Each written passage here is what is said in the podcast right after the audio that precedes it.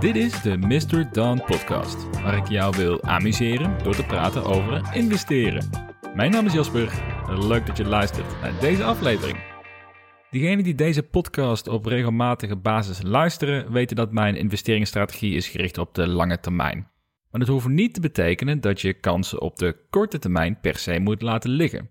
Vandaar dat ik in deze aflevering twee beleggingen naast elkaar wil leggen die gevoelsmatig exact het tegenovergestelde zijn.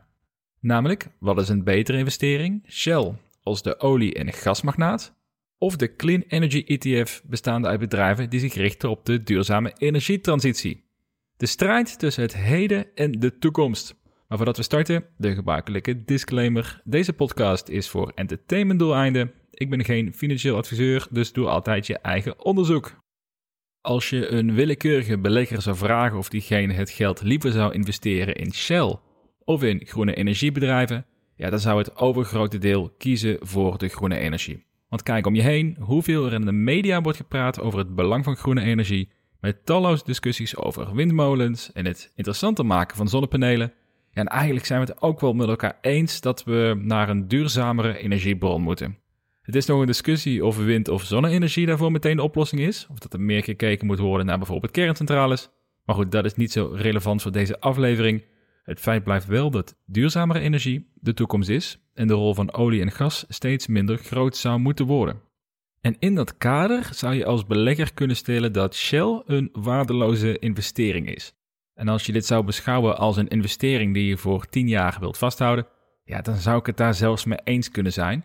Maar een valkuil die veel beleggers hebben, is dat zij te veel gaan geloven in hun eigen strategie en praktisch met oogkleppen op naar de markt gaan kijken.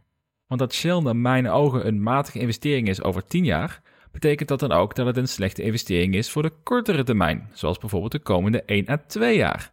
En dat is de kern die ik in deze aflevering wil raken. Je kan absoluut gericht zijn op beleggen voor de lange termijn, in stevige groeisectoren en in de marktleiders van de toekomst, maar tegelijkertijd je hebt alle tijd om te investeren in die betreffende aandelen.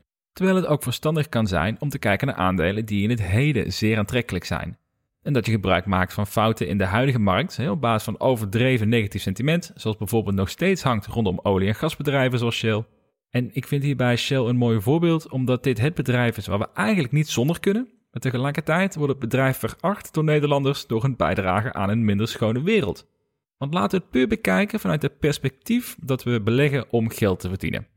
Persoonlijk beschouw ik Shell als een ondergewaardeerd aandeel. Als je namelijk een discounted cashflow analyse erop loslaat, ervan uitgaan dat we de komende 10 jaar echt nog wel voldoende gas en olie blijven gebruiken wereldwijd, dan ligt de fair value van het aandeel rond de 35 à 40 euro.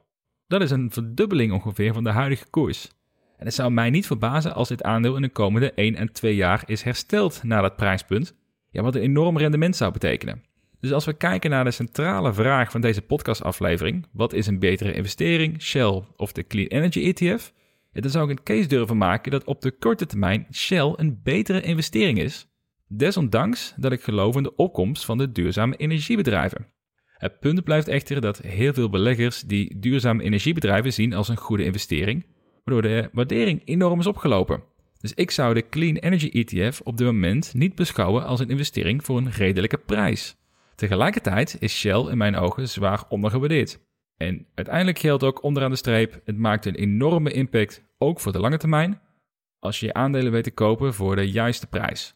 En ook al is Shell een belegging die ik persoonlijk niet voor de lange termijn zou willen vasthouden, dat betekent niet dat het op de korte termijn geen hoger rendement zou kunnen opleveren dan een investering die je voor minimaal 5 jaar wil vasthouden. En zo zijn er nog meer kansen in de markt. Zo zou ik bijvoorbeeld kiezen voor Intel boven ASML op dit moment, als je kijkt wat een aantrekkelijke waardering is. Dat betekent niet dat ik Intel een betere lange termijn investering vind, maar ik denk dat bij de huidige koers dat Intel in de komende 1 à 2 jaar een hoger rendement kan maken dan ASML, simpelweg omdat het aandeel meer waard is dan de huidige prijs. In tegenstelling tot ASML, waarbij in de koers al rekening gehouden wordt met een aantal fantastische jaren met overperformance. Overigens heb ik zelf geen positie meer in Shell en in Intel, maar wil ik hiermee vooral een ander geluid laten horen, zodat jij als belegger kan bepalen of dat een interessante denkrichting is of niet.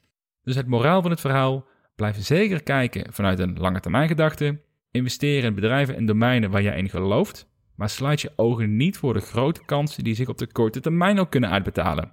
Ondanks of je die positie wel of niet voor een lange tijd wil vasthouden. En in mijn ogen gaat Shell in de komende 1 à 2 jaar meer rendement opleveren dan de Clean Energy ETF, ondanks dat ik die ETF beschouw als de betere lange termijn investering.